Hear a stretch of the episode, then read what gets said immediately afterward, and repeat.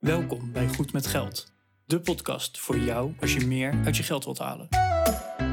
Je financiën op orde of eerder kunnen stoppen met werken? Schuif aan, want hier zijn we goed met geld.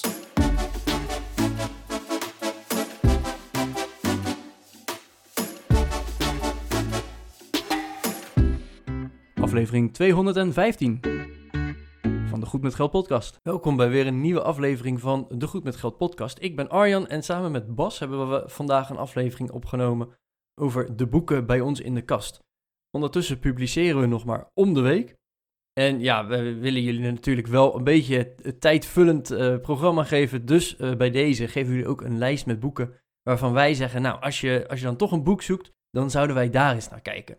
Nou, we hebben een hele lijst samengesteld en ja, we bespreken ze gewoon even kort. Waar gaat het over? Wat hebben wij eruit gehaald? En waarom zou je dit boek nou wel of niet moeten lezen? Nou, vooral wel, want ja, je, raadt natuurlijk geen boeken aan die je niet moet gaan lezen. Dus een, een hele lijst. Ehm, wil je ons nou steunen? Dat kan in, bij deze aflevering. We hebben in de show notes van vandaag, dat is goedmetgeldpodcast.nl slash 215, hebben we allemaal linkjes naar deze boeken uh, neergezet. Dus als je het boek via zo'n linkje bestelt, dan krijgen wij daar een hele kleine commissie over. Je betaalt niks extra, maar je ondersteunt toch onze podcast door het via zo'n linkje te, te, te kopen.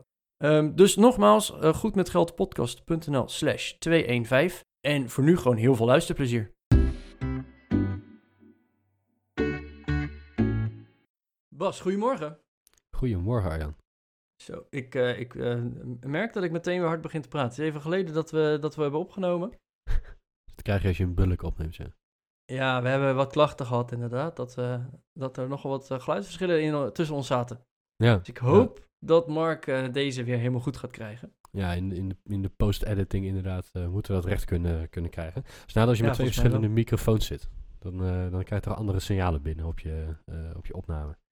Ja. Wat overigens niet helpt, is dat ik een hele dikke verkoudheid heb gehad. Echt een hele, hele gore verkoudheid. En dat mijn stem nog een beetje Oh. verrot is. Dus misschien, ik heb geen, geen doorrookte stem vandaag. Het is een het staartje van een verkoudheidsstem. Ik, ben, ik, ik was mijn stem een beetje kwijt. Inmiddels is die weer teruggevonden. Hij bleek ergens uh, te liggen waar ik niet, uh, niet had gedacht dat hij lag. Jeetje. Maar je hoort het. Maar je hoort Ja, en ik ben net wezen festivalen, dus mijn stem kan ook nog wel eens een beetje overslaan. We zitten met twee van die whisky stemmen uh, vandaag. We hebben er nu al Lekker zin. man. Ja. Waar gaan we het over Hey hebben? Bas.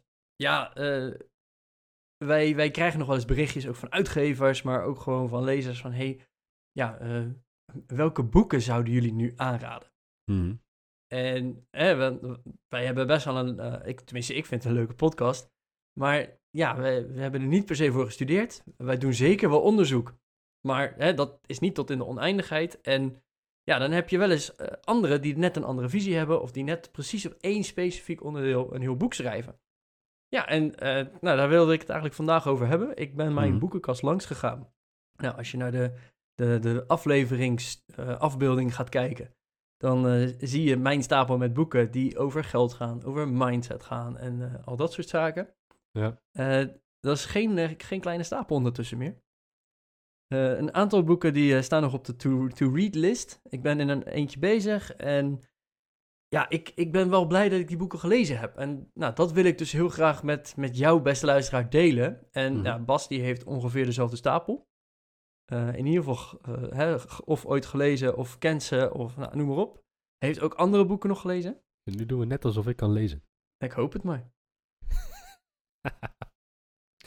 nou, kan, ik, denk wel? Arne. reken wel. Ik denk dat jij wel de meest. Ik denk wel dat jij de meest indrukwekkende boekenstapel hebt uh, van de Goed met Geld hosts. Oké, okay, nou dan uh, staat die in ieder geval op mijn cv bij deze bijgeschreven. Ja, ik zou het, ik zou het noemen. Ja. Maar ja, ik, ik denk echt wel dat dit een, een toevoeging is. Uh, we gaan ook kort op de boeken in. Hè? Wat, wat wordt er nou in behandeld en waarom zou je die moeten lezen? Uh, en niet een ander boek.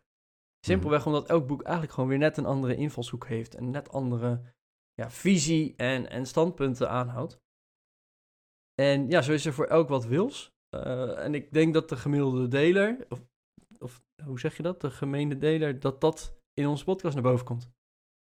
Ja, dat, dat denk ik ook inderdaad. En, uh, wat we er even bij moeten zetten is dat uh, veel boeken uh, gaan over mindset. En dat is natuurlijk interessant als je net begint. Uh, dus dit is misschien een aflevering voor de wat meer beginnende goed met geld luisteraar. Of de beginnende nou, personal finance enthusiast.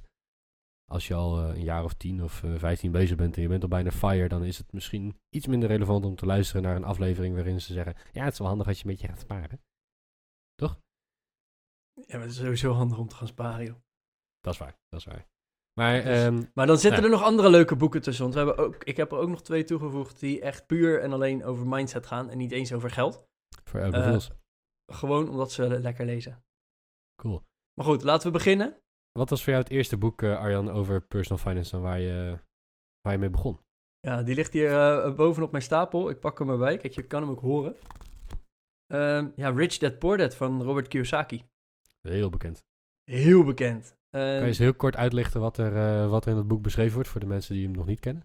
Ja, nou, uh, rijke pa, arme pa, is ook gewoon in het Nederlands. Uh, Robert beschrijft dat hij twee vaders heeft. niet biologisch, dat niet, maar hij heeft er twee. Zijn biologische vader, wat in het boek zijn arme pa is. En de vader van zijn vriendje, wat de rijke pa is. En zijn arme vader, die, ja, die is heel erg van, hè, zorg dat je een goede opleiding hebt, zorg dat je een goede baan hebt. En op die manier zorg je ervoor dat je een stabiele financiële wereld uh, voor jezelf creëert. Ja.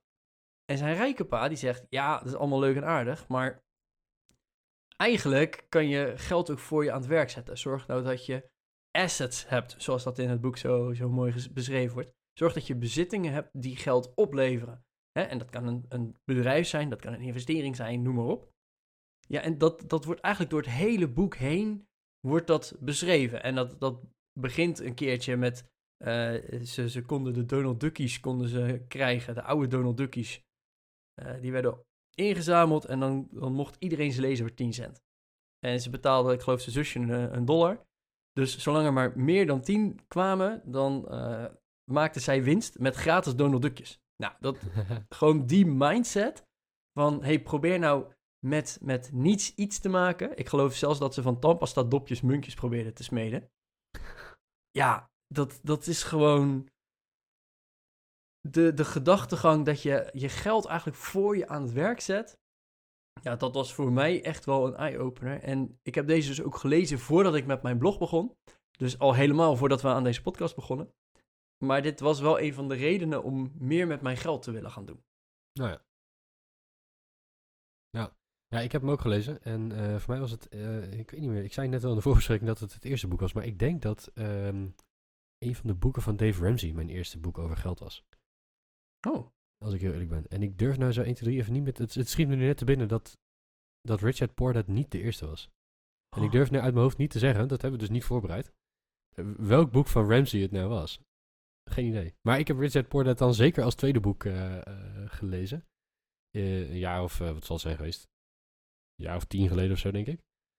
En um, ja, wat er bij mij heel erg terugkwam was dat je inderdaad moet zoeken naar manieren om, um, om je geld voor je te laten werken in plaats van dat je zelf voor je gaat werken. Want hij beschrijft heel goed hoe zijn, hoe zijn eigen vader, zijn biologische vader, een hele, uh, nou, best wel een goede baan heeft. Hè? Dus we zouden, ik denk... Ja, hij was um, schooldirecteur, geloof ik, dus hij verdient echt niet slecht of zo. Ze hadden nou ja, en op, een, en op een universiteit zelfs, geloof ik, hè? Niet, op een, uh, niet op een basisschool of zo, maar volgens mij, eh, als ik het me goed kan herinneren, net tien jaar hoor. Um, maar, maar we zouden zo iemand in, ik denk ook nu nog in Nederland, best wel beschouwen als tussen haakjes rijk. Of in, uh, elk ja. geval als, of in elk geval als, uh, als, als welvarend. Upper, upper middle class uh, misschien wel. Ja. Hè, dan zou de buurt wel wel zeggen, oh, die heeft wel een goede baan. Want die kunnen twee keer per jaar vakantie hebben, een mooie auto voor de deur, een leuk huis enzovoort. Hè, dus dat, dat is wel typisch um, hoe, zijn, hoe zijn echte vader uh, was. En toch beschrijft hij hem als zijn arme pa. Want hij moet werken tot zijn pensioen. Hij krijgt vervolgens een overheidspensioen. Hè. Dat is in Nederland met schooldirecteuren niet anders. Uh, die zitten ook uh, bij de algemene bodemloze put uh, qua pensioenfonds. En ja, ja weet je, dan, dan heb je je hele leven hard gewerkt. Um, maatschappelijk, denk ik, relevante baan gehad. Maar wat laat je dan achter? Hè? Een goed inkomen, um, een aardig pensioen opgebouwd. Maar je moet wel je hele leven voor een baas werken. Je hebt geen, geen controle over je tijd. En uh, maar heel weinig controle over de upside van je inkomen. Want je zit gewoon in een uh, CAO-schaal natuurlijk. En, ja. en, da en, dat is de reden dat hij echt over zijn, zijn biologische vader als de arme pa spreekt. En inderdaad, wat jij schrijft, dat vriendje, of wat jij zegt net, hè, dat, dat vriendje van hem, uh, schoolvriendje. die vader daarvan, die was ondernemer. En die had, die had een paar bedrijven en wat vastgoed. En ja, dan, dan ben je veel meer een, een hosselaar. En heb je een heel onzeker bestaan misschien wel. Um, Terwijl die vent veel meer ehm, inkomenspotentieel had. En hij ging, die, hij als in die rijke pa, dus de, de vader van, van zijn vriend, die nam zijn zoontje en, Robert mee in hoe kun je nou geld voor jezelf gaan verdienen. En hoe kun je nou een eigen bedrijf opzetten en echt iets gaan maken van niets. En dat, was, dat is heel cool. Dat is heel goed voor je mindset, denk ik, als je begint. En dat sprak me heel erg aan. Ik kom uit een ondernemersfamilie, zoals jullie misschien weten. Ik ben nu ook ondernemer al een aantal jaar. En um, dat, dat verhaal dat sprak me dus wel, wel heel erg aan. Ja, dit is het boek waar we het langst bij stilstaan, denk ik. Dus geen zorgen. Dit wordt geen uren podcast. Uh, mocht je nou inderdaad geïnteresseerd zijn in Robert Kiyosaki zelf, op YouTube staan heel veel lezingen van hem. Uh, wij zijn ondertussen van mening dat, dat we het niet zo eens meer zijn met Robert zelf. Of zijn, zijn visie op de wereld zo ongeveer. Um, dus als je iets van hem wil kijken, kijk dan vooral zijn oudere conferenties. Er staan er af en toe eentje van, van een uur dat hij echt een presentatie geeft van 20, 25 jaar geleden. Uh, die zou ik dan vooral kijken, niet van de afgelopen twee, drie jaar. Dus uh, mocht je er interesse in hebben en verder het boekje, ik geloof dat het nog geen twee tientjes kost. Dus hè, uh, Goed met geldpodcast.nl slash bol, daar kan je hem vinden. Ja, en sowieso check even de show notes van vandaag. Wij nemen de hele lijst met boeken op met een linkje. Um, dat linkje dat stuurt jou door naar bol.com en op het moment dat je ze via dat linkje koopt, dan krijgen wij een kleine commissie erover. Uh, je betaalt niks extra, maar je ondersteunt ons wel. Dus hè, mocht je enthousiast zijn geraakt voor een van deze boeken, bestel hem dan vooral via onze show notes. We vinden jou extra lief als je dat doet natuurlijk. Dus dat is wel, daar doen we het nou, Dat sowieso. Hey Bas, um, volgende boek. En ik, uh, wij hebben een hele lijst voorbereid. En ik ga nu al een, een bende maken van de lijst. Want ik wil eigenlijk eerst beginnen met eentje, ja, een vriend van de show eigenlijk. Ja. Uh, van Rowan. Rowan Nijboer. Ja, ja zeker. Vriend van Aandelen de show, selecteren als een pro. En ja, jij hebt het boek. Ik heb hem eer, eerlijk gezegd nog steeds op mijn to-read list staan. Ja, ik ook. Ehm, maar ik heb met mezelf ook afgesproken dat ik uh, eigenlijk geen personal finance boeken meer mag lezen. Want ik heb te veel boeken die ik nog wil lezen. Um, en als ik ook nog personal finance daarbij ga lezen, dan komt het niet meer goed. Sorry, sorry Rowan. Ja, maar ik heb hem wel, ik, heb hem wel even doorgebladerd. dat wel, maar... Ja, ik denk dat dit trouwens veel minder echt personal finance is. Dit is veel meer ja. hè, de diepte in naar het, het checken van een aandeel. Um, hoe werkt het financiële systeem uh, rondom de, de aandelenmarkt en al dat soort dingen. Maar dus ook van, hey, hoe ga je nou een aandeel waarderen? Hè? Roman die kijkt, ik geloof, uh, eh, 100 eh, tot 1000 uur naar een aandeel. Volgens mij was het 100 uur dat hij uh, echt investeert in een aandeel aan kennisvergaring. Om inderdaad ja, de, de jaarverslagen door te lezen en, en al dat soort dingen. Hmm. Om dan te besluiten, ik ga het wel of niet kopen. En dan zit hij er ook gewoon een paar jaar in. Hè? Dan, dan heeft hij ze gekocht en die houdt hij een paar jaar vast. Tot het moment dat hij zegt, ja, nu is het aandeel zoveel meer waard dan dat het daadwerkelijk waard zou moeten zijn. Of hè, er gaan slechtere tijden aankomen. En dan verkoopt hij het weer. Nou, dat, daar gaat hij ook op in, hè, in zijn boek. Ik, ik vind het dan inderdaad leuk dat hij inderdaad uh, met, met hoofdstuk 1 begint. Hoe word je miljonair? Ja, dat is toch... Uh, hoog inzetten. Ik, hoog inzetten, nou, speelt het juiste spel. Um, hoe, hoe, hè, dus hoe waardeer je een aandeel, uh, maar ook de psychologie erachter, je portefeuillebeheer, alles komt in dit boek aan bod. Ik ben er heel blij mee. Ja, ik, ik heb gewoon te veel om te lezen, dus daarom ben ik er nog niet aan toegekomen. Maar hey, ik ga hem echt lezen. Um, wil je meer van Roman weten? Die hebben we te gast gehad. Dus uh, sowieso zou ik nog even teruggaan naar onze afleveringen 56 of 155. Uh, ja, of natuurlijk Roman's podcast zelf. Ja. Zo simpel is het. Ja, Ron heeft een hele toffe podcast die helemaal over dit onderwerp gaat. Hè? Over beleggen en over aandelen selecteren. Um, en um, ja, dat, dat, is zeker een aanrader. Ik, ben, uh, ik moet eerlijk bekennen, ik ben geen... Um, ik, ik beleg niet in individuele aandelen. Sterker nog, ik beleg niet eens meer in ETF's. Ik heb gewoon een beleggingsfonds. En daar doe ik, uh, vergelijkbaar met, met ETF's denk ik, hè, is een, een indexfonds. En daar ja. doe ik al mijn geld in elke maand. en, en that's it. Dus ik ben wat dat betreft een hele luie belegger. Um, maar ik vind Roon's podcast wel echt heel cool. Uh, gewoon omdat ik het wereldje van aandelen en de beurs en uh, de analyses erbij. Ik, ik, vind dat heel spannend en heel, heel leuk om er wat van mee te krijgen. En om mezelf in bescherming te nemen, want ik weet dat ik niet zo goed ben als Rowan. doe ik het zelf niet. Um, maar het, het, is absoluut een aanrader. En um, nou, mocht je meer willen weten over uh, het selecteren van individuele, aan, individuele, aandelen, wat een moeilijk woord is dat op de vroege ochtend. Mm -hmm ja, dan, dan is zijn boek absoluut een aanrader. Ja, en ik, ik denk dat het mooie van Rowan inderdaad ook is, uh, het is zeker geen get rich quick podcast. En ook geen boek dus. Hè, het gaat er niet om zo snel mogelijk zoveel mogelijk geld te verdienen. Nee, met een gedegen strategie het spel betreden. Uh, en op die manier het spel ook uh, goed kunnen spelen. En ik denk dat dat het, het mooie is van, van zijn boek, zijn podcast en gewoon zijn visie. Volgend boek was, ik denk, ja, voor mij is dit een van de. Ja, ik ben hier het meest blij mee geweest dat ik deze heb gelezen. de beleggingsillusie. Oh, die heb ik niet gelezen. Nee, ik, dit is denk ik van de, lijst met boeken van vandaag uh, mijn absolute aanrader. Oké. En dat heeft een reden. Want in de, in de beleggingsillusie wordt uh, gewoon heel erg beschreven naar hoe werkt de beurs. Hè? dat allereerst. Maar ook, wat nou als jij inderdaad aandelen gaat selecteren? Um, nou, dat, hè, dat kan goed gaan. Maar dat kan ook mhm. misgaan. En uh, de eerste keer die keuze maken, ja, dat is niet zo moeilijk. Hè? Dat, dat is 50% kans dat het de eerste keer goed gaat. De keer erop moet je weer een goede keuze maken. Dus dan is de kans al dat je twee keer de goede keuze maakt nog maar 25%. Yep. En dit moet je keer op keer op keer op keer doen. Nou, daar zijn ze dus, dat, dat, dat lukt je eigenlijk gewoon niet. Hè? Want uh, is, je, je ziet het, eigenlijk is er maar één man die dat gelukt is, dat is Warren Buffett. Uh, die is er gigantisch rijk mee geworden en verder iedereen lukt het niet. Nou, dan kan je het uitbesteden. En dat kan je aan een uh, portefeuillebeheerder doen. Dus hè, iemand die voor jou alle nieuwsdingen volgt en uh, hmm. alle analyses doet. Maar die kost je dan een procent. Ja. Hè, van jouw als, het maar, als het maar een procent is trouwens. Als het maar een procent is. Van jouw uitstaande vermogen kost jou dat dan een procent op jaarbasis. Hmm. Nou, en daar staat dus ook een hele berekening in. Via heel leuk, maar uh, dat kost je dus op de lange termijn, dus dan hebben we het echt over 40 jaar, ik geloof een paar ton aan rendement. Wauw. Eh, nou, dat vond ik dus ook een, uh, een hele interessante. En er stond nog een uh, van hey, timing the market. Daar stond ook nog mhm. een heel goed voorbeeld van in. Maar ja, stel nou dat je de Bob de allerslechtste belegger ooit. Dat verhaal ken jij geloof ik hè? Dat is echt een briljant verhaal. Die vind ik echt heel cool. Ja, volgens mij komt die ook nog. Ik heb, het is al een tijdje geleden dat ik dit boek heb gelezen, maar volgens mij kwam die er ook nog in voor. Want stel nou dat je op, het, op de allerhoogste piek koopt, gewoon drie tot vier keer in, in 40 jaar, op de allerhoogste piek koopt en de dag daarna is het 30% minder waard. Ja. En dan denk je, oh, ik ga er weer uitstappen en dan verkoop je op het allerslechtste moment. Uh, wat voor rendement je dan alsnog kan maken, tegen welk rendement had je kunnen maken. Nou, okay. uh, dat soort dingen, dat, dat komt er allemaal in voor.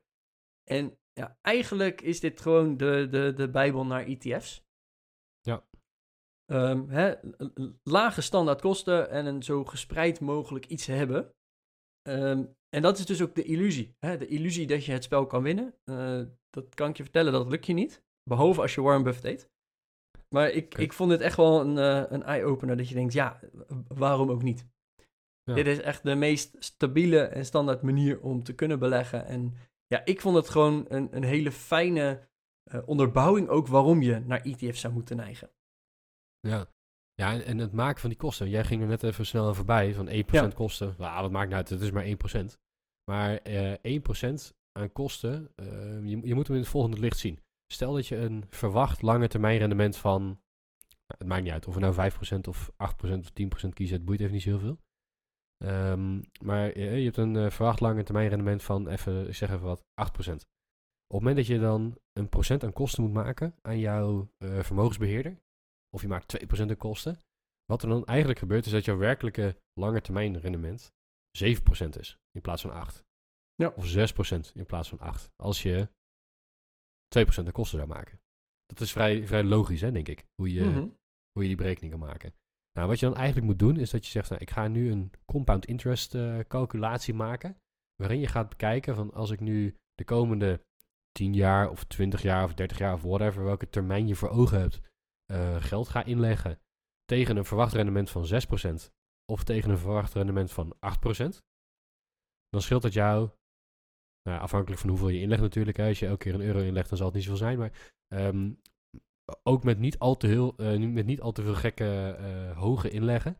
Als je dat maar lang genoeg doet, dan scheelt het jou tonnen aan vermogen dat je hebt opgebouwd. En stel je legt, weet ik veel, 500 euro of, of 1000 euro in de maand, noem even wat, 30 jaar lang in. Uh, het verschil tussen 6 en 8 procent is echt tonnen. En dat is dus wat jouw vermogensbeheerder jou kost. En dan kan je zeggen 1 of 2 procent, het is maar 1 of 2 procent. Dat klinkt als heel weinig, 1 of 2 procent. Ja, dat klopt, dat klinkt ook als heel weinig. Maar als je maar 7 of 8 procent maakt en je moet er daarvan 2 inleveren, um, dat compound verder. Hè, 5 procent of 6 procent compound minder hard dan 7 of 8 procent. Um, dan, dan scheelt dat dus echt waanzinnig veel. En um, ja, het is dus denk ik heel belangrijk dat je je niet blind staart op de mogelijkheden die je bij een vermogensbeheerder krijgt. Ook zij hebben geen glazen bol, helaas. Um, en dat je heel bewust bent van de kosten die je maakt. En dat is wat in dit boek goed terugkomt. Ja. Um, ik, ik ben, as we speak, ben ik zelfs nog een boek aan toevoegen aan deze lijst. Ik heb hem niet gelezen, maar ik heb er veel goede verhalen ook over gehoord. Uh, is volgens mij niet eens via Bol te krijgen, alleen op de website zelf. Van Meesman. Hmm. Um, de schitterende eenvoud van indexbeleggen. Hmm. Uh, het staat ook nog ergens op mijn to-read list. Uh, is inderdaad echt gewoon een, een boek waarom je zou moeten indexbeleggen.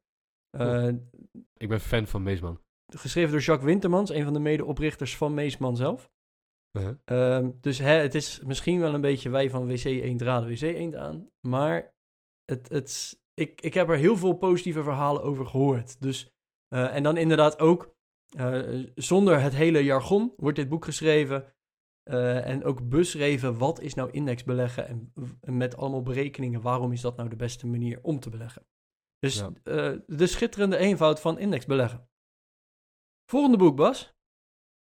Ja, ik wil daar toch uh, de 4-Hour Workweek van Tim Ferriss opnemen.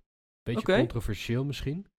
Um, en waarom controversieel? er wordt heel vaak, als, je naar, um, als je naar zijn boek kijkt, dan wordt er heel vaak gezegd, ja, de 4-Hour Workweek, maar hij neemt een podcast op en het opnemen is al meer dan vier uur. Dus uh, wat de fuck, hoe kan dat nou uh, voor our workies zijn? Ja. Hij, hij, doet niet eens wat hij zelf zegt. Um, dat is een beetje te makkelijk, hè? dat is een beetje te kort door de bocht. Maar um, de 4-Hour Workweek is denk ik een boek dat als je net begint, heel veel um, ja, kan doen voor je, voor je mindset en voor hoe je kijkt naar hoe jij je tijd gebruikt om geld te verdienen. Dat was het voor mij in elk geval. Ik denk dat dat, uh, dat, dat van belang is. Um, als, je, als je geld gaat verdienen, kan je zeggen: ja, ik ga harder werken, meer werken, um, meer uren maken of mijn uurtarief verhogen of naar een baan met een hoger salaris en ik krijg er 10% bij, whatever. Kun je allemaal doen. Um, de 4-hour workweek beschrijft meer hoe Tim, uh, als jong gastje op de universiteit toen nog volgens mij, vooral slimmer is gaan werken. Zaken is gaan uitbesteden, schaalbaar is gaan maken. En het zijn een hoop open deuren. Dus als je het leest en je denkt, ja, pff, dit weet ik allemaal al. Ja, klopt. Uh, vaak zou je heel veel ook al weten. Maar die open deuren zijn soms wel goed om even bij stil te staan. Omdat we nogal snel kunnen vervallen in, ah, als ik nou even een paar iets extra werk uh, in de week, dan heb ik wat meer inkomen. Terwijl je ook zou kunnen denken, oké, okay, hoe kan ik nou de simpele dingen in mijn werk uitbesteden aan iemand die heel veel minder geld kost en op die manier wat leverage inbouwen. Eh, dus, dus de tijd van iemand anders gaan zitten leveragen. Of ja. een systeem gaan opbouwen wat heel schaalbaar is, waardoor ik met, mezelf, met dezelfde tijd of met minder tijd veel meer inkomen kan opbouwen. Um, nou, dat, zo, zo, heeft hij talloze voorbeelden uh, in, in zijn boek staan. Een hoop daarvan zijn misschien niet meer uh, toepasbaar in deze tijd. Het is een vrij oud boek inmiddels. Ik weet niet wanneer de eerste druk uitkwam uit mijn hoofd.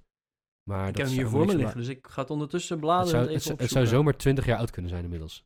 Dat zou me eigenlijk niks verbazen, uh, maar ik weet het 2007, niet zeker. dus 15 jaar. Oké, okay, ja. Um, een, een, aantal dingen zal zeker niet meer heel relevant zijn in de huidige tijd. Um, maar ik denk dat de concepten en de mindset die je eruit haalt wel relevant zijn. Uh, als ik heel eerlijk ben, ik vond het boek niet heel makkelijk weglezen. Tim schrijft niet, ja, voor mij niet in een prettige stijl. Maar de inhoud van het boek, supergoed, waanzinnig. Ja, nou, ik, uh, ik heb hem ook gelezen. Ik ben er drie keer opnieuw in begonnen. Zo moeilijk vond ik het boek. Ja, dat, het, ik kwam er gewoon net, net niet lekker doorheen. Het is ook geen dun boek. Het is de dikste van mijn hele stapel. Uh, volgens mij heb ik wel de uitgebreide versie. Herziene en uitgebreide editie staat er op mijn uh, kaft. Nee. Dus met allemaal uh, extra verhalen van, van lezers die ook hun werkweek mm. hebben verkort. Um, ik, het was ook heel Amerikaans. En daar moet je Ja. een beetje doorheen kijken. Ja. Eh, want hè, inderdaad, de- de- natuurlijk, eh, sommige opvattingen zijn gewoon anders dan, eh, dan dat we hier in Europa hebben. Of hè, sommige visies of, of mentaliteit dingetjes. Maar er zitten inderdaad wel hele, hele goede dingen in. En dat je in sommige Mhm. dingen iets meer moet investeren. eh, zodat je er rendement uit kan halen. En dan heb ik het echt over... Hè, bijvoorbeeld, hij heeft het eh, heel vaak over een VA, een Virtual Assistant. Oh ja. Eh, dat, dat, is, dat is, daar is hij groot fan van. Hè? Ehm, een, soort van personal assistant, maar gewoon die standaard jouw mailtjes beantwoordt. Die Ja. standaard eh, jouw agenda bijhoudt, maar ook weet van, oh, in de agenda staat die en die is jarig en alvast wat regelt. En hij, hij beschrijft er ook in van, ja, in de eerste paar keer kreeg ik terug wat ik helemaal niet wilde. En dan heb ik twee keuzes. Ik ontsla die persoon en ik ga op zoek naar een ander, hè, want ja, eh, no strings attached. eh, ze zoeken het maar lekker uit. Hmm. Maar ik kan ook zeggen, hey, ik stop er nu een aantal uur in om te zeggen, hey, op het moment dat iemand jarig is, eh, kijk even waar in de familiekring en regel een cadeautje in die en die prijsklasse. Oh ja. Heel simpel. Of stuur een kaartje. Standaard naar alle neven en nichten een kaartje. Ik noem maar even wat. Hmm. Ehm, dat kan die VA allemaal voor je regelen. Eh, en dat, daar hoef je dan zelf niet meer over na te denken. En dat is dat stukje automatiseren. Op het moment dat hij ergens een, een conferentie moet spreken, dat hij dan ook een, een vlucht daarheen heeft. Dat er een hotel geboekt is. En wat voor hotel wil hij dan hebben? Nou, dat, dat zijn van die dingen die... Ja, dat is een stukje opleiding en, en eh, communiceren. En dat merkte je gewoon heel erg dat hij daarin steeds verder ging tweaken. Van hey, op het moment dat eh, dit gebeurt, dan krijgen die mensen, en de, degene die hij inhuurt, krijgen ook de vrijheid om geld voor hem uit te geven tot een bepaald budget. Hè, ja. eh, dat soort dingen. Terwijl in het begin durfden ze dat niet. En hij zegt van ja, maar het, het is mij niet waard om toestemming te geven voor 15 dollar. Nee, dat duurt me te Eh, lang om erover na te denken. En, eh, Dan moet ik er extra over nadenken. Ben ik weer uit mijn focus en al dat soort dingen. Besteed die 15 dollar nou maar gewoon. Ja, doe, en- doe maar inderdaad. Ja, eh, hè, als het niet goed is, dan zie ik later wel de rekening. En dan, als je dat tien keer hebt gedaan, heeft het 150 dollar extra gekost. Jammer dan. Ja. Nou, en dat, eh, dat is makkelijk praten, zeker als je genoeg verdient. Ik, ik snap ook wel dat sommigen dat niet verdienen, dus dat dat gewoon veel lastiger is. Maar het is wel die mindset dat je ook in sommige dingen even moet investeren. Vond ik ook wel een, een hele mooie. Dus ehm, een lastig boek, eh, neem er de tijd voor.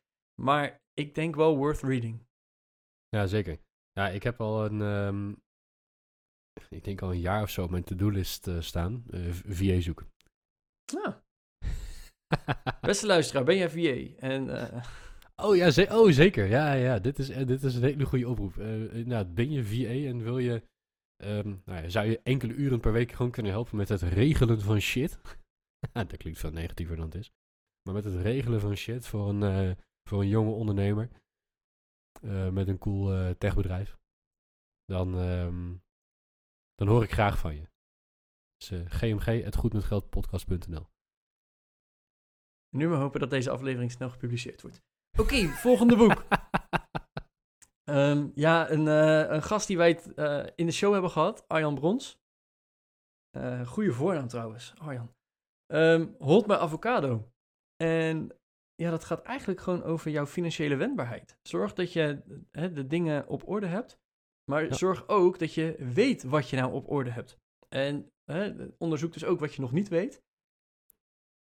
En ja, op, op die manier kan je dus in een veranderende wereld daar ook beter op inspelen.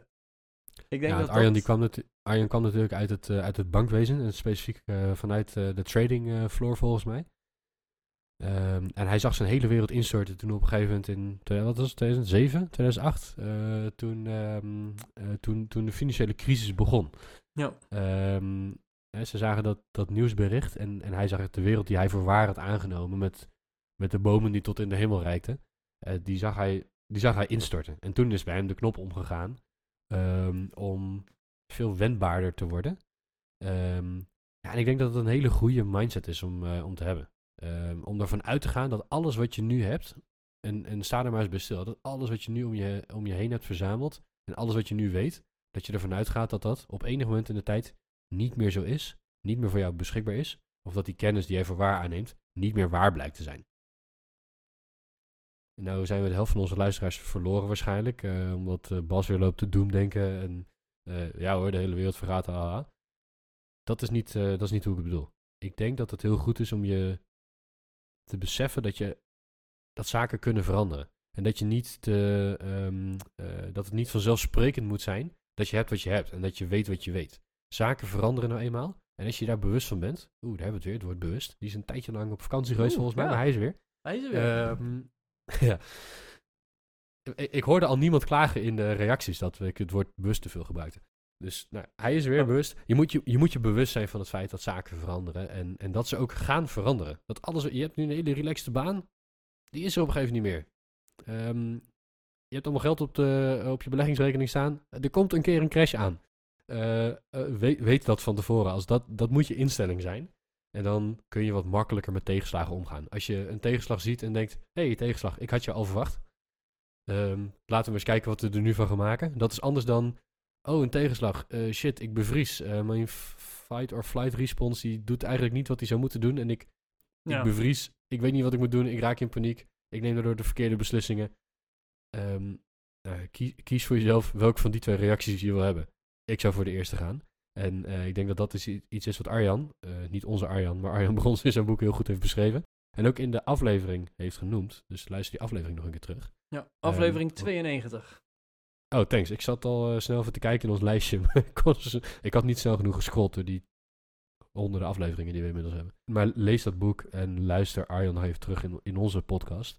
Ehm, want hij beschrijft gewoon heel goed hoe je financieel wendbaarder kunt zijn. En ik denk dat dat een van de ja, belangrijkste zaken in je leven is. Hè. Wees je bewust van wat je hebt. En wees je ook bewust van dat je dat op enig moment niet meer gaat hebben. Dit eh, volgende boek wat we hebben, die staat vol met smileys. Ehm, en het heet eh, Maak je geld gelukkig. En, eh, en jezelf ook, is de ondertitel, van Ken Honda. En toen ik dit las, en ik zie nu ook inderdaad achterop, wat, ik heb de achterop niet eens gelezen. Ehm, maar goed, wat er, wat er achterop staat, wat Marie Kondo doet voor je spullen. Ik moest meteen aan Marie Kondo denken. Wat Marie Kondo doet voor je spullen, doet Ken Honda voor je geld. Eh, een Japanse schrijver, eh, vertaald in het Nederlands ondertussen. En ja, maak je geld gelukkig. En dus niet maakt geld gelukkig, nee, maak jouw geld gelukkig. Eh, en dat, dat is een boek en dat gaat helemaal niet over hoe kan je meer verdienen. En dat is ook niet van hoe zou je je geld moeten investeren. Nee, er gaat veel meer over ehm, wat is je IQ over geld, hè? wat weet je erover, maar ook wat is je EQ, wat voor geldtype ben jij. Eh, er zijn verschillende soorten mensen. Eh, ben je een echte spender, hè? geef je alles uit, ben je een hoarder, verzamel je alleen maar geld. Eh, ben je een maker, wil je alleen maar meer verdienen.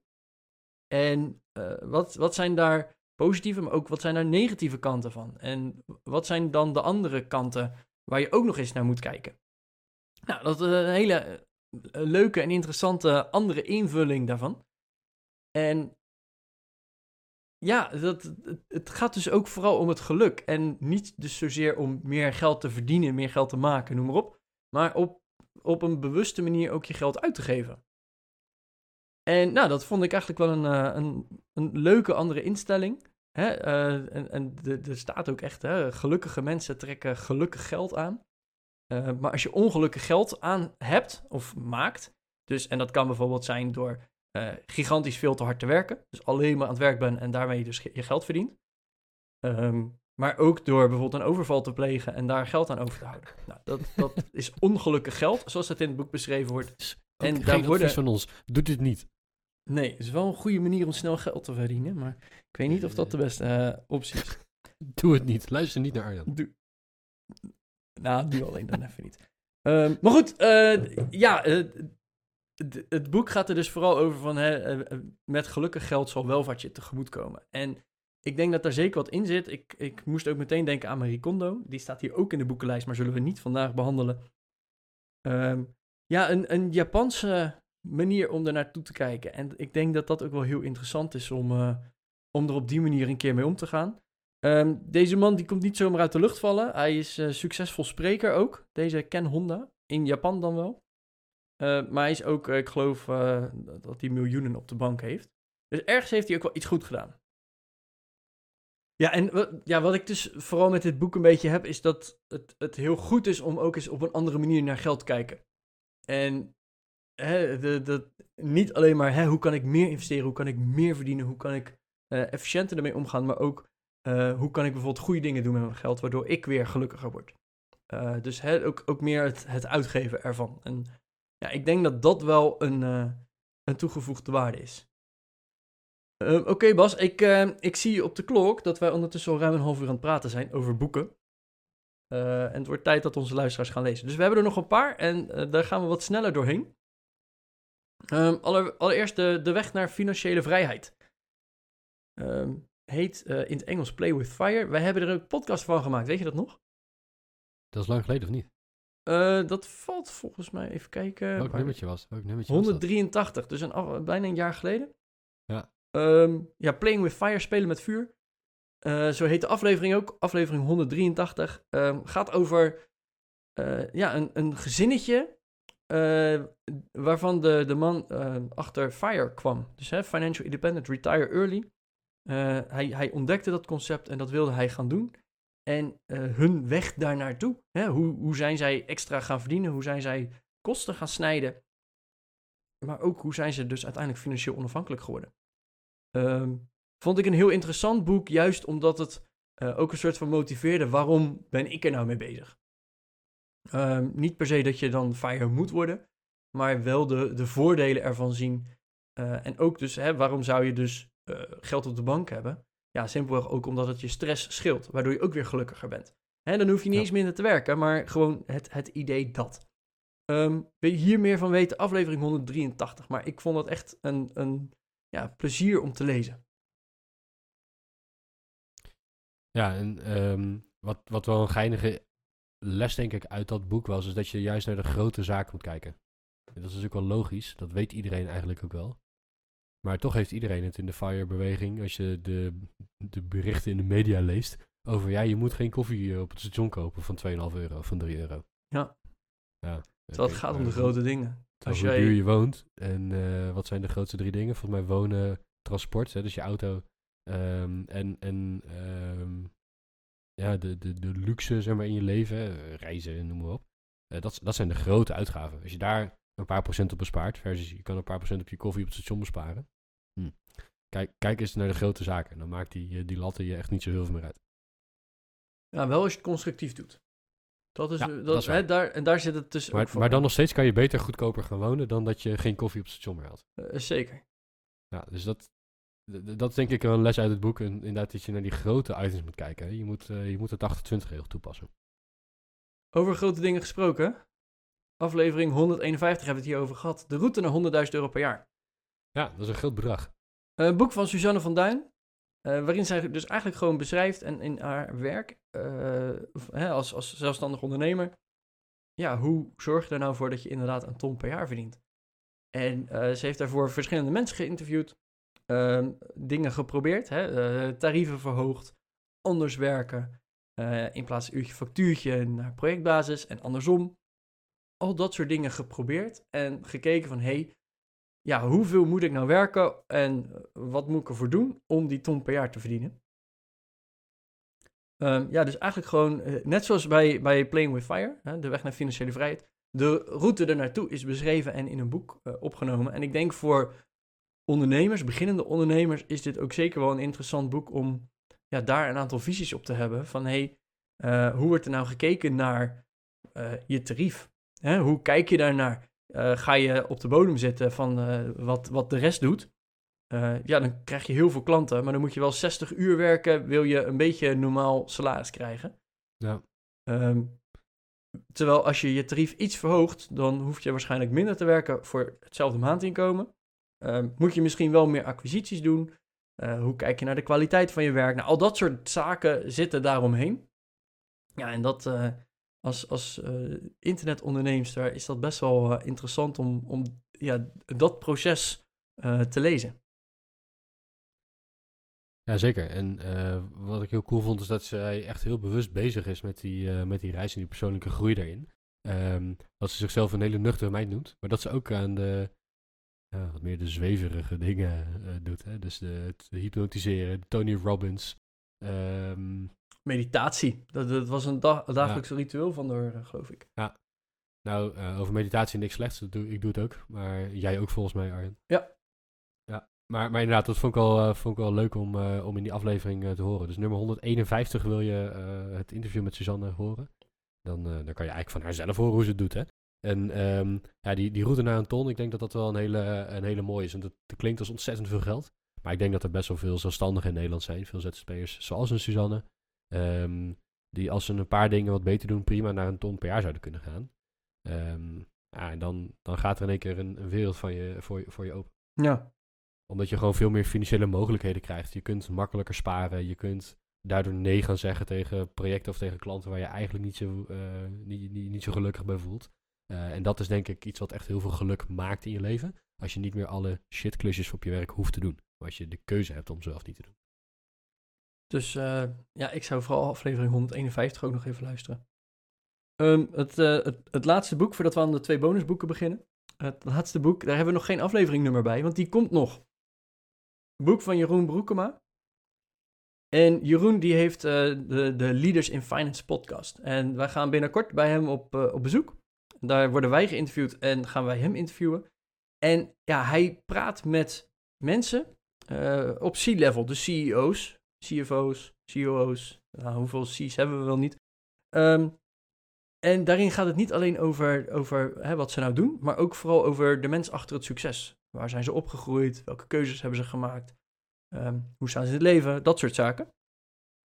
En dat is uh, ja, uiteindelijk in een uh, in boekvorm ook terechtgekomen. Dus hij heeft ondertussen 100 mensen gesproken. Dus het boek heet ook 100 gesprekken, de mens achter het succes ja, en ik, ik luister graag naar zijn podcast sowieso. Dus ik ben ook blij dat we bij hem te gast mogen zijn om, om hem ook te interviewen.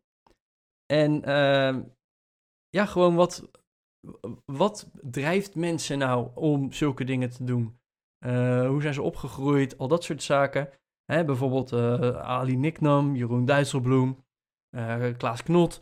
Ja, echt wel grote namen die op, op hoog niveau in de, in de ondernemerswereld, bedrijvenwereld uh, actief zijn, waar ik heel veel van geleerd heb. Ja, en ik denk dat het, uh, het leuke van een boek dat in deze stijl is geschreven, dus met honderd van die kleine gesprekjes, korte hoofdstukjes, um, dat het heel interessant is om daar de grote lijnen uit te halen. Uh, ik denk dat elk van deze mensen uh, op zich heel interessant is en interessante verhalen heeft, maar dat je misschien uit elk van die verhaaltjes die je leest misschien niet per se wat haalt. Maar dat als je ze allemaal leest en je, of je, je bladert ze door of je legt hem op de koffietafel en je pakt er af en toe eens eentje uit, uh, dat je dan de grote lijnen erin gaat zien. En dat je dan gaat herkennen wat de succesfactoren zijn bij dit type mens. Als je ja. dat interessant vindt. En dat, dat is denk ik uh, de echte waarde van een boek als deze. Um, ehm, 100 gesprekken, ontzettend, uh, ja, ontzettend veel verschillende mensen daardoor. Allemaal in dezelfde sector of in vergelijkbare sectoren. En ja, ga maar de gemene deler eruit halen. En dat is, uh, dat is super waardevol. Want ik denk dat succes echt wel uh, te voorspellen is als je de juiste dingen weet te doen. Of in elk geval als je de juiste dingen weet te voorkomen. Ja. Ik, uh, ik heb eerder een, een soort gelijkboek gelezen. die is niet te koop, helaas. Dus die ga ik ook verder niet noemen. Maar het, het feit dat er gewoon korte interviews in staan, je hoeft hem dus ook niet van voor naar achter helemaal te lezen. of op volgorde hoeft ook allemaal niet. Maar ja, dat zijn wel allemaal korte input dingetjes waar je eens over na kan denken. Je moet hem juist ook niet in één keer lezen. Gewoon af en toe even ter inspiratie. En dat vond ik... Uh, ja, ik, ik, luister al graag naar zijn podcast, dus ik, uh, ik heb het boek nog niet uit. Ik ben ook erg benieuwd naar, naar wat er nog komen gaat. Ja, dus uh, binnenkort meer, want dan hebben we twee afleveringen. Zeker. Dus, eentje, eentje, op onze podcast, eentje op zijn podcast. Bas, zoals ik al aan het begin van, het, van de podcast had beloofd, nog twee bonusboeken die niet over geld gaan, maar wel over mindset. Mm -hmm. um, ja, en die zijn allebei van Mark Manson. Uh, The Subtle Art of Not Giving a Fuck en Everything is Fucked. Uh, het zijn volgens mij wel bestsellers. Je hebt ze altijd wel bovenaan zien staan in de, in de boekenhandel. Ja. Ze liggen um, overal ook. Ja, dus de, de edele kunst van uh, not giving a fuck. Dus hè, gewoon ja, geen fuck geven. Mm. En alles is fucked in het, in het Nederlands. Um, Oké. Okay. Ik vond het een, een plezier om te lezen. En eigenlijk ook juist uh, je, uh, het, het feit dat je je overal druk om kan maken. Het eerste boek, je, moet je stoppen met overal druk om maken. Want ja. dan kan je je druk gaan maken om de dingen die echt uh, van belang zijn. als jij je druk gaat maken om uh, zoveel mogelijk gratis boodschappen, uh, dan heb je dus niet meer, het, het, niet meer de, de brain space, de hersenruimte en capaciteit om je om andere grotere zaken misschien wel druk te maken. Ik, en, en daarin staan dus echt gigantisch veel voorbeelden en hè, hoe kan je daarmee omgaan en hoe zorg je er nou voor dat je, dat je een beetje extra ruimte geeft. Want hij, de, de schrijver Mark Mensen, die beschrijft ook van uh, per dag kan je maar een, een x aantal fax geven. Hè, kan je je maar om een x aantal dingen druk maken. En ja, als je die vult met nutteloze dingen waar je je druk om maakt, dan heb je dus geen ruimte meer om je druk te maken over de rest, die wel belangrijk is. Ja. Um, is dat een, uh, um, is dat een, een soort moderne versie van uh, het stoïcisme? Um, ja, ergens wel. Uh, maar ik denk wel met een iets praktischere invulling. En ik denk juist ja. door die voorbeelden van, hey, ja, je kan je er druk om maken. Ik, ik weet niet eens welke band het, het was, maar op een gegeven moment de, de gitarist of de, de zanger uit een of andere hele bekende band, voordat die doorbraken, ik, ik geloof dat dit iets van Iron Maiden was of zoiets. De, de, echt een, een grote naam in de, in de huidige wereld. die waren toen nog heel klein en ja, die, die zanger, die is ermee gestopt. want hij vond het niet leuk meer. En die is nu zanger van een hele andere gigantisch wereldbreid bekende band. Hè? Je kan je heel hmm. druk maken dat die band toen opeens heel, door, heel erg doorbrak toen hij wegging. Maar vijf jaar later was hij alsnog beroemd. Uh, Maar ook het andere voorbeeld, een, een gitarist die was ermee gestopt en die is nu super gelukkig met zijn gezinnetje en vier kinderen. En die had dus nooit dit gezinnetje kunnen hebben als hij in die band was blijven spelen. Snap je? Dus het, het is ook een soort van uh, mindset dat het ook oké is. En je kan je wel uh, spijt blijven houden over de dingen die, die je hebt gedaan en die je hebt beslist. Maar je kan er toch niet zoveel meer aan doen. Hmm. Uh, dus stop nou maar met je daar druk om maken. Ja, ja ik denk, denk dat dat een hele goede mindset is. Ja, ja en Everything is Fact uh, is ook een, een stukje psychologisch erachter. Ik heb hem nog niet uit. Uh, maar het leest wel gewoon lekker weg. En het heeft heel veel uh, voorbeelden die, die ja, mij gewoon in ieder geval heel erg aanspreken. Dus um, ja, ik denk dat dit gewoon een, een heel mooi boek, of twee hele mooie boeken zijn die, uh, als je hè, alle financiële boeken al een keer hebt uitgelezen, ik, ik vond deze in ieder geval ook erg verbredend. Uh, en heb ze met plezier gelezen. Dus die wilde, wilde ik graag ook nog even toevoegen. Ja, cool. Uh, thanks daarvoor. Oh, ik zie nu dat we Set for Life nog niet hebben ge genoemd. Oh, ja. Ja, die heb ik nog even als uh, korte bonus snel erbij gezet. Um, ja, Set for Life is een boek van Scott Trench. Um, voor degene die wat meer in het vastgoed zitten, een uh, Amerikaanse podcast luistert, die kennen hem misschien. Hij is CEO van Bigger Pockets, van de welbekende vastgoedpodcast. die is ook al tien jaar geleden begonnen of zo, misschien wel meer. En um, Scott was volgens mij een van de eerste medewerkers van, van Bigger Pockets. Nummer drie en nummer vier, iets in die richting. En hij werd op hele jonge leeftijd al uh, CEO daar. Want de oprichter die, die wilde dat niet en die wilde zich een beetje terugtrekken, wat minder tijd mee bezig zijn. Um, Scott was gewoon een hele goede, hele goede medewerker, stond heel erg open voor zaken, durfde risico te nemen. Um, slimme kerel. En die werd dus op, nou, misschien op zijn 26 of zo, werd hij CEO van, van het bedrijf. Inmiddels is hij dat nog steeds en is het een heel groot bedrijf geworden. Er, zit, er zit inmiddels een, een, een investeringsmaatschappij achter. Uh, dus ze worden met veel kapitaal worden ze ondersteund. ze hebben meerdere podcasts, boeken, uitgeverijen, noem maar op. Dus het is echt, een, echt wel een groot mediabedrijf geworden. Um, maar het boek van, van Scott is best wel geinig. Het, um, het is denk ik interessant voor mensen die net beginnen. Ik heb de eerste helft gelezen en toen dacht ik, oké, ik ken dit verhaal, ik weet waar het heen gaat. Maar dat is drie jaar geleden of zo dat ik het heb gelezen. Maar het is wel um, Ondertussen gaat op de achtergrond mijn puppy uh, helemaal los op zijn bench. Dus uh, oh. als we wat geluid horen, dan, uh, dan is het maar zo. um, nee, maar hij heeft een. Um, zijn boek is. Um, nee, zijn, zijn boek heet Set for Life. En je hoort de term Set for Life. Hè, je bent eigenlijk klaar voor het leven. Je bent, dat hoor je wel eens van, vanuit rijke gezinnen. Die dan hun kinderen een startkapitaal meegeven. Of misschien als ze geboren worden al een beleggingsrekening vullen of iets dergelijks. En dat ze daarmee, een, um, ja, daarmee die kinderen set for life zijn. Ze ja. hoeven nooit meer te werken, omdat hun ouders rijk waren. En Scott beschrijft juist hoe je set for life kunt worden door dat helemaal zelf te doen. Uh, waarin hij beschrijft uh, welke stappen je moet doorlopen om set for life te worden. Um, en een van de eerste stappen daarin is, ga eens een ton bij elkaar sparen. Lijkt een beetje misschien op wat Suzanne uh, beschrijft. dus een, een, ton per jaar aan, omzet of een inkomen. Scott Trench heeft het over, begin met een ton bij elkaar te sparen, liquide. Het maakt even niet zo heel gek voor uit of dat op een spaarrekening is, of dat je het belegt, of hoe je het dan gaat beleggen, whatever. Het maakt allemaal niet zoveel uit. Ga gewoon je best doen om zoveel mogelijk geld bij elkaar te sparen. En of het een ton is, of 50.000, of 30.000, of 150.000, het interesseert me eigenlijk helemaal niet zo heel veel. Mhm. Een ton, dat blijkt wel lekker. Um, en 100.000 dollar in zijn boek is natuurlijk ook een mooi rond getal. Dus ik denk dat hij daarom heeft gekozen. Uh, en hij beschrijft, ga meer werken, neem extra shifts, um, ga househacking uh, doen. Hè? Dus als je al een woning hebt of, of je hebt een extra kamer over, uh, laat daar een vriend van je uh, onderhuren als het ware, zodat je minder woonlast hebt of er misschien wel wat aan verdient.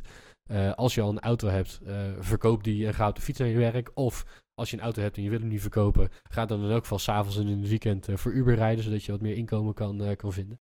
Met andere woorden, ga, ga hosselen. Ga zorgen dat je zoveel mogelijk geld bij elkaar spaart. Um, Vaak als je namelijk begint, ben je nog vrij jong en heb je de energie en de tijd om dat te doen. Ja. Op het moment dat je ouder wordt en je hebt een gezin, heb je veel meer verplichtingen en fysiek minder energie. Um, en, en wordt dat lastiger. Uh, en hij zegt van ja, als je die eerste ton bij elkaar uitgespaard, liquide, en of het dan nogmaals belegd is of niet, dat maakt niet zo gek voor uit als het maar niet vast zit, als je maar gewoon bij het geld kan. Um, dan heb je ontzettend veel vrijheid. Je kunt dan namelijk zeggen, ik neem een jaar vrij van mijn werk om uh, een bedrijf te gaan beginnen. En het maakt niet uit. Of ik wil een bedrijf beginnen, maar ik heb een beetje startkapitaal nodig. Hé, hey, ik heb een ton op de bank. Dat kan dus. Of ik krijg ineens een kans. Dat is natuurlijk een, de, eh, een directeur van een vastgoedpodcast. Um, ik kom een uh, waanzinnige vastgoeddeal tegen. Ik kan in één keer een ton daarin leggen. Ja. Oh, dat, is en, uh, dat, dat, wil je gewoon hebben, hè? Dat, dat, net die spaarpot achter de hand. Nou ja, die spaarpot, maar je wil de, hij beschrijft zeg maar dat je als twintiger die vrijheid nodig hebt om hele goede keuzes te kunnen maken en om, uh, om dus zeg maar de, uh, het vangnet te hebben om het risico te kunnen nemen. En dat is denk ik waarin uh, Set for Life wel wat anders is dan andere boeken. Is dat hij er heel erg van uitgaat dat je, je hoeft geen slimme dingen te doen als je het maar veel doet. en um, dat vind ik wel een mooie mindset. Gewoon de mouwen opstropen en gaan, die lullen maar poetsen. Um, ja, ik niet. Dat vind ik ook cool. Zeker als je, als je nog jong bent. Ga, ga daarvoor. Ga rammen, rammen, rammen, rammen. Want je bent dan, als je dat voor elkaar krijgt, set for life. Hè? Als je dan op geen dertiger bent of veertiger bent en je hebt die spaarpot en je hebt daardoor de vrijheid gekregen om te kunnen gaan ondernemen, om te kunnen gaan beleggen in een vastgoedproject, om een andere baan te nemen, om een sabbatical te nemen, whatever, het maakt niet uit. Uh, je, bent, je bent dan set for life omdat je als twintiger even een jaar of misschien twee jaar hebt lopen rammen en beuken om, uh, om die spaarpot bij elkaar te krijgen.